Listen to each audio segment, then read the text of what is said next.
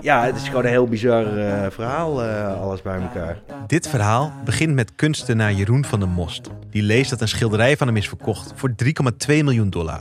Alleen het werk is niet van hem. Hij heeft het niet gemaakt. Ik ken het hele schilderij niet. En ehm, nou, voor zover ik weet staat er niks op mijn bankrekening. Dat weet ik eigenlijk wel heel zeker. Hoe kan dit?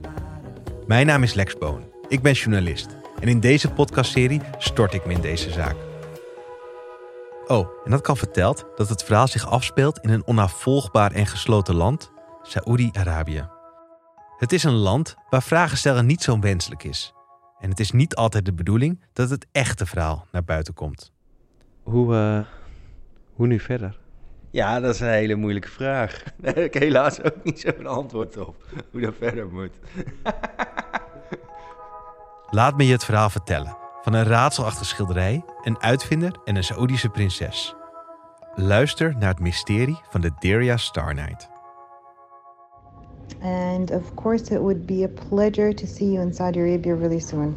Thank you and have a great time.